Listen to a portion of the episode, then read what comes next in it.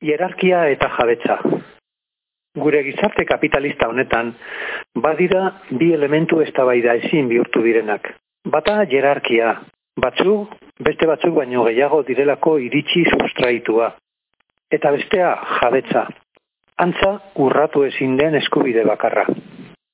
Jerarkiak agintzen du percepzioa gizartean, klase soziala, arraza, generoa, jatorria, izaten dira besteak zailkatzeko eta jerarkia batean ezartzeko erabiltzen diren irizpide automatizatuak.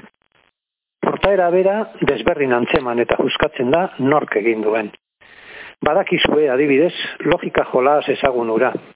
Iztipu batean aita hilda eta semea larri zauriturik atera da behar ditu premiazko ebakuntzak, baina urgentzietako zirijauaren aurrera eramaten dutenean, ezin dute bakuntza egin nire semea da, dio zirujauak.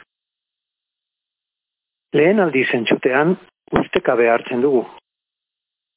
Izan ere, ama zirujaua izan daitekela, ohartzen garen arte. Egoera ulertzeko hartzen ditugun segundu hoiek gure aurre iritzien neurria dira.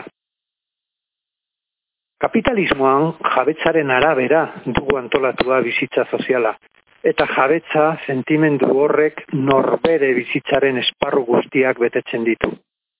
Sintomatikoa da erdararen eraginez euskarazko tradizioan nagusi izan diren gure etxea, gure ama, gure familia bezalakoak azkar nire etxea, nire ama eta nire familia bihurtu izana gure garaiaren joerare men eginez.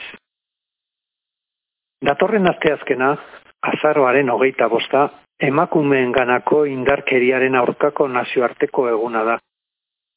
Emakumeen aurkako violentzia nekez desagertuko da oinarrizko bi joera hauek mantentzen diren bitartean.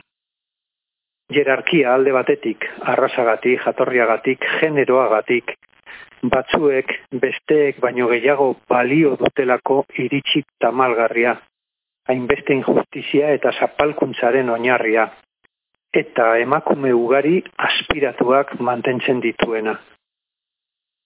Eta beste aldetik, jabetza sentimentua, inoren jabe izan eta pertsona hori nirea izan daitekelako iritsi zamingarria.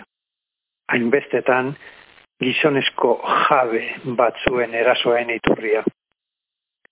Aurrera joateko eta emakumeen aurkako violentzia jasan ezinarekin amaitzeko, bi sustrai pozointxu hauek, jerarkia eta jabetza sentimentuak, igatu eta ahuldu behar ditugu egunerokoan. Urtearen irureun da irurogeita bost egunetan.